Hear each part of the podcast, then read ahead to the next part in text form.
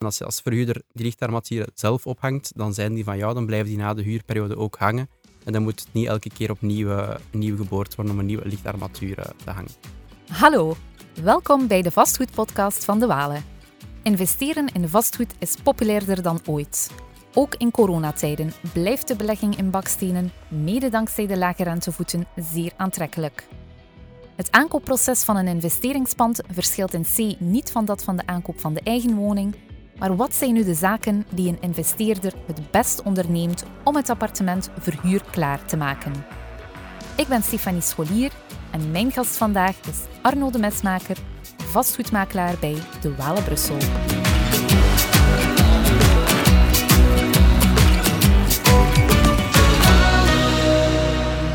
Arno, welkom. Dag Stefanie. Leuk dat je er bent. Ik vind het ook heel fijn om hier aanwezig te zijn. Arno, je bent nog vrij jong, uh, maar toch word je binnen de Groep al gepercipieerd als beleggingsspecialist vastgoed. Vertel eens, hoe komt dit? Wel, dat is eigenlijk uh, heel spontaan gegroeid. Uh, we hebben binnen de Wale Groep een nieuw rekenprogramma voor investeerders gelanceerd. Ik ben er eigenlijk heel snel mee aan de slag gegaan, omdat ik dat wel een interessante tool vond en zeker een extra verkoopsargument toe naar, naar investeerders. En dat is een beetje, ja, die bal is aan het rollen gegaan binnen de groep. En uh, meer en meer collega's zijn dat te weten gekomen dat ik daar toch wel heel actief mee aan de slag ging. En ze kwamen dan ook vaker en vaker met uh, vragen terecht bij mij, uh, als, als ze in de knoei zaten. En zo is dat eigenlijk heel spontaan gegaan. En wat doet die tool dan precies? Ah, wel, die tool is eigenlijk een, een tool om te, om te zorgen dat, dat je aan investeerders verschillende appartementen kan vergelijken naar rendement toe. En eigenlijk op een heel objectieve manier hun kan, kan aantonen welke investering het best bij hun past of best bij hun verlangens past. En ook gewoon het hele verkoopsverhaal dat je net verteld hebt, legt daar nog eens vast in cijfers. Um, en dan kan je eigenlijk op een heel objectieve manier, niet van de walen uit, maar gewoon op een objectieve manier hun tonen van kijk, dit is een veilige, goede investering voor, uh, voor u.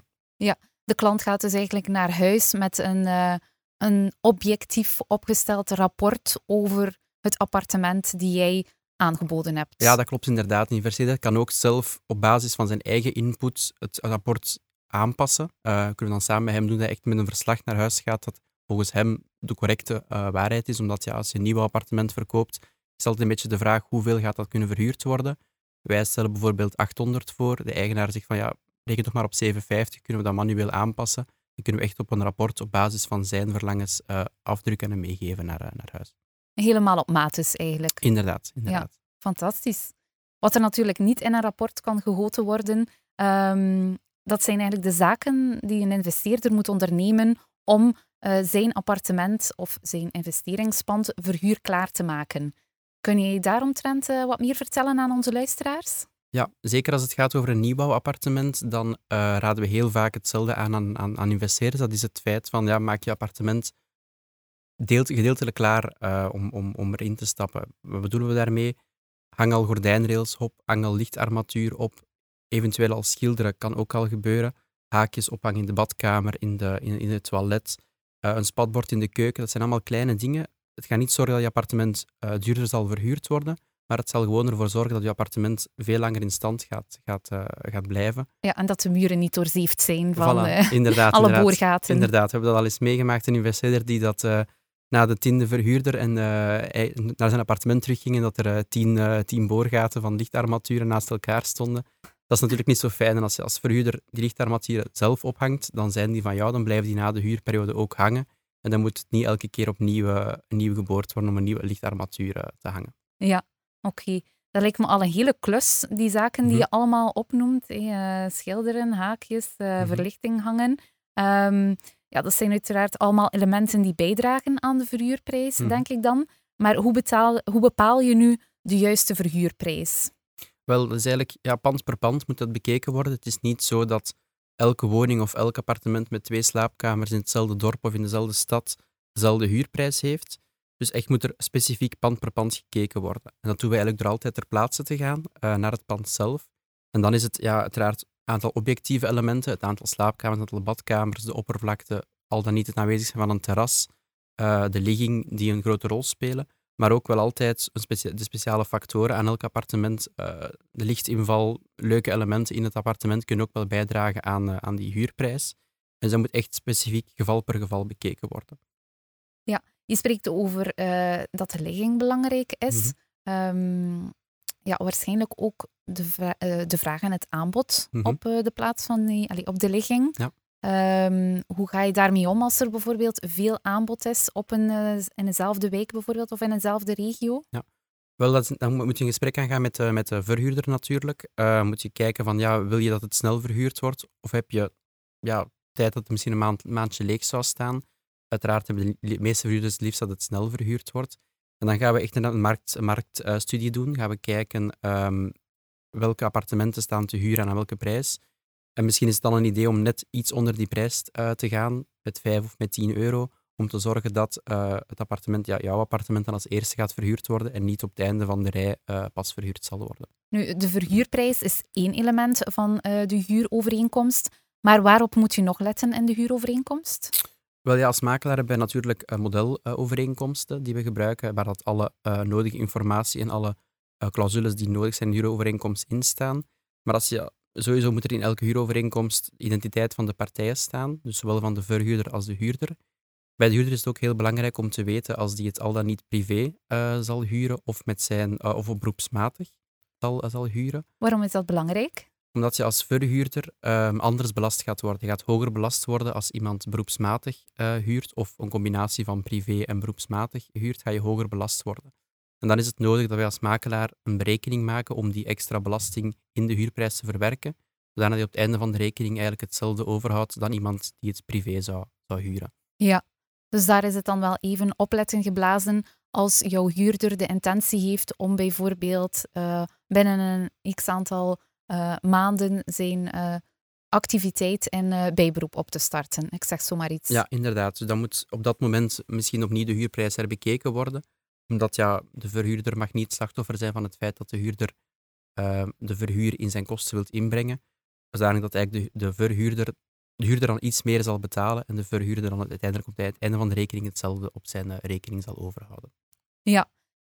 Welke elementen eh, vinden we nog terug die van belang zijn in de huurovereenkomst? Uiteraard ja, de startdatum van de, van de huurperiode, vanaf wanneer eh, mag de huurder het pand betrekken. En voor welke, welke duurtijd ehm, gaat hij het appartement huren? Is dat een jaar? Is dat eh, een standaard contract van 369? En op welke manier kan het contract opgezegd worden? Dat is ook een heel belangrijk, omdat het dan discussies op het einde uitsluit, als allemaal mooi in de huurovereenkomst opgenomen wordt, hoe dat het contract kan opgezegd worden. Uiteraard, de huurprijs uh, is ook een heel belangrijk element. Um, en dan ook, als je in een mede-eigendom zit, uh, de gemeenschappelijke kost. De huurder gaat profiteren van het feit dat uh, de gang gekuist wordt, dat de lift werkt, dat elektriciteit in de gang is. En moet hij dus ook een deel van de gemeenschappelijke kost op zich nemen. En daar heb je eigenlijk twee keuzes. Ofwel laat je die gemeenschappelijke kost betalen onder een provisie, ofwel onder een forfait. Een forfait dat is een vast bedrag en dan wordt er op het einde geen verrekening meer gedaan. Dat is gewoon een vast bedrag, 50 euro per maand bijvoorbeeld. Bij een provisie wordt er uh, op het einde van het jaar wordt er gekeken wat is de werkelijke uitgave geweest. En dan uh, wordt er een, een, een, terugbetaling van de ene of van de andere gedaan naarmate dat de werkelijke uitgaven lager of hoger waren dan de provisie die al betaald is. Ja. Voor de rest zijn er nog een aantal elementen uiteraard. Dat is de verplichting tot het afsluiten van een brandverzekering. De huurder gaat altijd een brandverzekering moeten afsluiten. En als het in een... Naast de brandverzekering van de eigenaar dan? Ja, inderdaad. Uh, dus de eigenaar zal, als het over een appartement gaat, heel vaak via de mede-eigendom al een, uh, al een brandpolisverzekering hebben. Maar dan zal de huurder ook nog altijd een brandverzekering moeten afsluiten voor de inboedel. Uh, en voor zijn huurdersaansprakelijkheid, uiteraard. dat moet daarin opgenomen worden. En dan verder ook de regeling omtrent de huurwaarborg. Um, hoeveel bedraagt die? Waar zal die betaald worden? Waar zal die geblokkeerd worden? Op welke rekening? Dat het ook voor iedereen duidelijk is dat dat er is en dat op het einde van de, van de huurperiode opnieuw moet gekeken worden naar de, huur, naar de huurwaarborg. Wat moet er teruggaan naar de huurder, wat moet er teruggaan naar de, naar de, naar de eigenaar. Um, dan ook raden we altijd aan om een plaatsbeschrijving te laten, uh, te laten doorgaan in het, in, het, uh, in het appartement, voordat dat de huurperiode begint. En ook die regeling omtrent wie gaat die plaatsbeschrijving opmaken, voor wie zijn die kosten, wordt ook best in de huurovereenkomst opgenomen. En dan heb je nog een, uh, een verplicht element, dat is het energieprestatiecertificaat. Uh, moet ook altijd opgenomen worden in, het, uh, in de huurovereenkomst.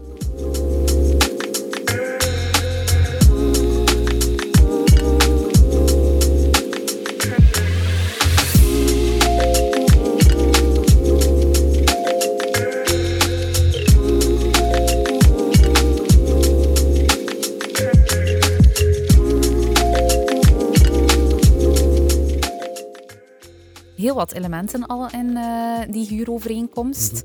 Ehm, maar heel vaak hoor je ook dat uh, verhuurders uh, niet graag hebben dat hun appartement geschilderd wordt. Hè, want ze willen geen roze appartement terugkrijgen, bijvoorbeeld. Of ze willen ook niet dat er huisdieren gehouden worden. Is dat ook iets die kan verboden worden in de huurovereenkomst? Wel, um, schilderen is iets, ja, we raden, zoals ik daarnet al zei, altijd aan aan de eigenaar om, uh, om te schilderen. Om het appartement al, zeker als het nieuwbouw is, om eerst, eerst keer te schilderen. En uiteraard kan je de huurder niet verbieden om, uh, om het appartement te schilderen. Iedereen mag zijn appartement dat hij bewoont persoonlijk maken. En dus eventueel ergens, uh, zoals ze zelf aangeeft, een, een roze kamer voorzien. Dat mag in principe. Dan is het heel belangrijk dat je in het begin van de uh, huurovereenkomst een plaatsbeschrijving laat opmaken die beschrijft hoe het appartement eruit ziet en ook beschrijft hoe dat de muren eruit zien, welke kleur dat daar in het begin uh, aanwezig was. En in principe moet de huurder ervoor zorgen dat op het einde van die huurperiode het appartement in dezelfde staat uh, of in dezelfde kleur van muren teruggegeven wordt. We hebben zoiets meegemaakt dat een, een, eigenaar een nieuwbouwappartement verhuurde helemaal wit had geschilderd op ons advies, uh, maar dat het na een jaar uh, één kamer volledig zwart geschilderd was. En uh, op het einde werd de sleutel teruggegeven, maar was die kamer nog altijd zwart. En dat is dan wel in de, plaats, in de plaatsbeschrijving opgenomen geweest, dat daar een bepaalde kost ehm, van de huurwaarborg afgetrokken werd om, om opnieuw te zorgen dat die kamer terug wit kon worden. Want ja, de eigenaar kon natuurlijk moeilijk een zwarte kamer terug, terug gaan verhuren. Klopt. La couleur. En dan wat je, wat je vroeg om, omtrent de, de huisdieren, uh, is het zo dat het, dat is altijd een heel, heel delicaat onderwerp, omdat het verbieden van huisdieren, volledig verbieden van huisdieren, is, uh, is eigenlijk niet toegestaan, dat is verboden. Dat wordt eigenlijk enkel op twee manieren aanvaard dat je dat zou weigeren. Dat is uh, enerzijds wanneer je zou kunnen aantonen dat het, het onroerend goed niet geschikt is om, om huisdieren te huisvesten. Dan denk ik bijvoorbeeld, een, een, een, mooi voorbeeld is een studio, een gerenoveerde studio waar dat opnieuw parket uh, gelegd is. Als daar een kandidaat huurder aankomt die dat, die studio wil bewonen met een, Duitse, uh, met een Duitse scheper, ja, dan kan je wel op objectieve manier aantonen dat de studio enerzijds te klein is om een Duitse scheper uh, te huisvesten en het feit dat ook net die parket herdaan is, ook niet optimaal is dat dan een, een groot huisdier in, in huisvest. En anderzijds, als het gaat over mede-eigendom, dus een appartementsgebouw, gaat er ook altijd een reglement van inwendige orde zijn. Dat is eigenlijk een beetje de huisregels binnen, uh, binnen een appartementsgebouw. Vaak staat daarin dat er geen uh, lawaai meer mag zijn na tien uur, dat het huisvuil niet in de gang mag staan. Maar er staat ook heel vaak in dat al, al dan niet toegestaan is om huisdieren te houden. En als je dan als verhuurder ja, het reglement van inwendige orde voorlegt aan je kandidaat huurder, waarin staat je mag geen uh, huisdieren huisvesten, dan kan je ook op een objectieve manier zo die, die huisdieren mijden uit uw appartement. Ja, heel duidelijk, uh, Arno, dankjewel. Um, kan ik als verhuurder ook kiezen wie mijn woning huurt? Ja, je kan altijd kiezen wie jouw appartement huurt, maar dat moet altijd op basis van objectieve uh, parameters. Wat bedoel ik daarmee? Je kan iemand weigeren eigenlijk op basis van drie elementen. Uh, dat is enerzijds zijn solvabiliteit. Wij binnen de Wale Groep gebruiken eigenlijk altijd de regel van drie. Dat wil zeggen, als je een bepaalde huurprijs hebt, stel nu bijvoorbeeld 500 euro, dan moet de kandidaat huurder een netto-inkomen hebben van 1500 euro. Dus drie keer de huurprijs.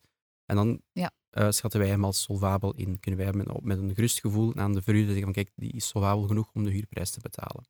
Als het daaronder is, opnieuw hebben we een objectieve manier om die persoon uh, te weigeren. Anderzijds, uh, een tweede element is de oppervlakte van de woning moet geschikt zijn voor het aantal personen die dat het wensen te huren. Een één slaapkamerappartement dat gehuurd, wilt worden, gehuurd zou willen worden door een, een, een koppel met vier kinderen. Ja, zes personen in één slaapkamerappartement, dat is ook heel moeilijk. En dat is ook in tabellen opgenomen vanaf hoeveel vierkante meter je uh, uh, vanaf een bepaald aantal personen mag, mag bewonen. Uh, en dan ten laatste moest de huurder niet akkoord zijn met het reglement van inwendige orde. Moest daar inderdaad, zoals we net aangegeven hebben, dat erin staat, huisdieren zijn verboden. En die huurder wil per se met zijn huisdieren daar wonen, kan je ook op een objectieve manier daardoor die, die huurder weigeren. Dus altijd heel belangrijk dat dat objectief gebeurt. Andere elementen, bijvoorbeeld op basis van leeftijd, op basis van geslacht, uh, nationaliteit, uh, geaardheid. Dan, op dat moment ben je aan het discrimineren dan mag je, niet, uh, mag je niemand weigeren op basis van, van zijn leeftijd. Ja, uiteraard. Dus ik onthoud eigenlijk um, dat er twee criteria zijn waarop je je huurder kunt uh, kiezen. En dat is één, die solvabiliteit. Ja. Een inkomen maal, of de huurprijs maal drie. En die bezettingsnorm. Inderdaad, inderdaad. Ja. Maar wat als het dan nog misgaat en je huurder bijvoorbeeld niet betaalt of overlast veroorzaakt? Mhm. Wel, dat is eigenlijk één gouden regel die we altijd ehm, meegeven aan, aan huurders en zelf ook uh, hanteren. Dat is, ja, dat mag geen tijd verloren, worden, uh, verloren gaan op dat moment. Vanaf het moment dat je voelt dat de huur uh, niet meer op een regelmatige basis betaald wordt, of niet meer volledig betaald wordt, is het, is het nodig om zo snel mogelijk in contact te treden met je huurder en best eens een, een gesprek aan te gaan en ja, is de vraag naar de oorzaak hoe dat, dat komt, dat ineens de betaling niet meer regelmatig gebeurt. Uh, tijdens dat gesprek gaan ook heel vaak wel een oplossing of afspraken um, naar boven komen. Belangrijk is om die dan eventjes op papier te zetten. Dat je daarna ook nog wel een bewijs hebt wat er afgesproken is tijdens ja, dat of gesprek. Of met een mailtje. Inderdaad, of een nadien een mailtje sturen uh, waar dat alles, het gesprek nog eens in samengevat wordt. Dat is ook een, een heel goede oplossing. Stel dat dan de huurder toch niet ehm, betaalt zoals afgesproken of toch niet de, afspraken nakomt, dan is de volgende stap een ingebrekenstelling natuurlijk. Um, het feit dat je eerst dat gesprek gehad hebt, daardoor komt, komt die ingebrekenstelling ook minder, uh, minder als verrassing toe bij de huurder. En meestal gaat het enerzijds door dat gesprek, anderzijds door ingebrekenstelling wel opgelost geraken en gaat uh, normaal gezien de betalingen wel terug normaal lopen. Als dat nog altijd niet het geval is, dan is ja, de laatste stap natuurlijk naar het, naar het vredegerecht gaan. Um, en daar een procedure op starten de, voor de ontbinding van de huurovereenkomst. Misschien ook een, een, een, een goede om te weten, dat is als, als je in huursituaties zit, huurgeschillen, dat eigenlijk altijd de vrederechter is die dat daarover zal beslissen, langs uh, ah, ja. wat het uiteindelijke, beslissing, wat de uiteindelijke uh, oplossing is. Ja, het is gewoon een bezoekje aan de vrederechter. ja, zo kan je het noemen, ja. Kun je je verzekeren tegen die wanbetaling? Wel, het is eigenlijk heel moeilijk natuurlijk hè, om, om, om dat te voorspellen. Je kan op, op papier een, een, een ideaal kandidaat huurder hebben, die voldoende solvabel is, die, die ja, op papier ideale huurder is. Maar je weet nooit wat de toekomst brengt. En daarom hebben we binnen de Walengroep um, toch een systeem bedacht om daar toch enerzijds verzekerd tegen te zijn. En dat is onze betaalzekerheid. Ik ga daar niet al te, diep op ingaan, maar dat wil eigenlijk gewoon in dat, dat je een spaarpotje hebt van zes maanden huur. Um, die wij aanbieden aan de verhuurder om te zorgen dat, moest de betaling niet meer gebeuren of niet regelmatig gebeuren, dat wij altijd wel uh, het geld op regelmatige basis op zijn rekening kunnen voorzien. Maar achteraf gaan we natuurlijk wel um, die, die, die huurgelden terug gaan recupereren bij de huurder, als het moet via het vredegerecht. Ja, dus het is eigenlijk een soort van verzekering tegen wanbetaling, uh, waardoor dat je toch een periode van zes maanden kunt uh, afdekken. Inderdaad, inderdaad. Ja. ja. Oké, okay, uh, dan zijn we daarmee aan het einde van de podcast toegekomen, Arno. Um, maar ik ben toch eigenlijk wel heel benieuwd naar wat jouw ultieme tip nog is voor onze eigenaar-verhuurders. Wel, ik zou altijd zeggen, laat je altijd omringen door, door specialisten, zowel bij de aankoop als het verhuren van, van uw appartement, omdat zij toch het, het beste kunnen inschatten wat voor u de ideale investering is. En, uh, en ook later bij het verhuren ervan zoveel mogelijk um, problemen kunnen voorkomen of kunnen uh, oplossen als ze zich stellen. Super, klaar en duidelijk Arno. Hartelijk dank voor uh, deze podcast. Dit was de vastgoedpodcast van De Walen. Krijg je niet genoeg van ons vastgoedadvies? Abonneer je dan zeker op ons kanaal en beluister al onze podcasts of neem een kijkje op dewalen.com. Tot de volgende vastgoedbabbel.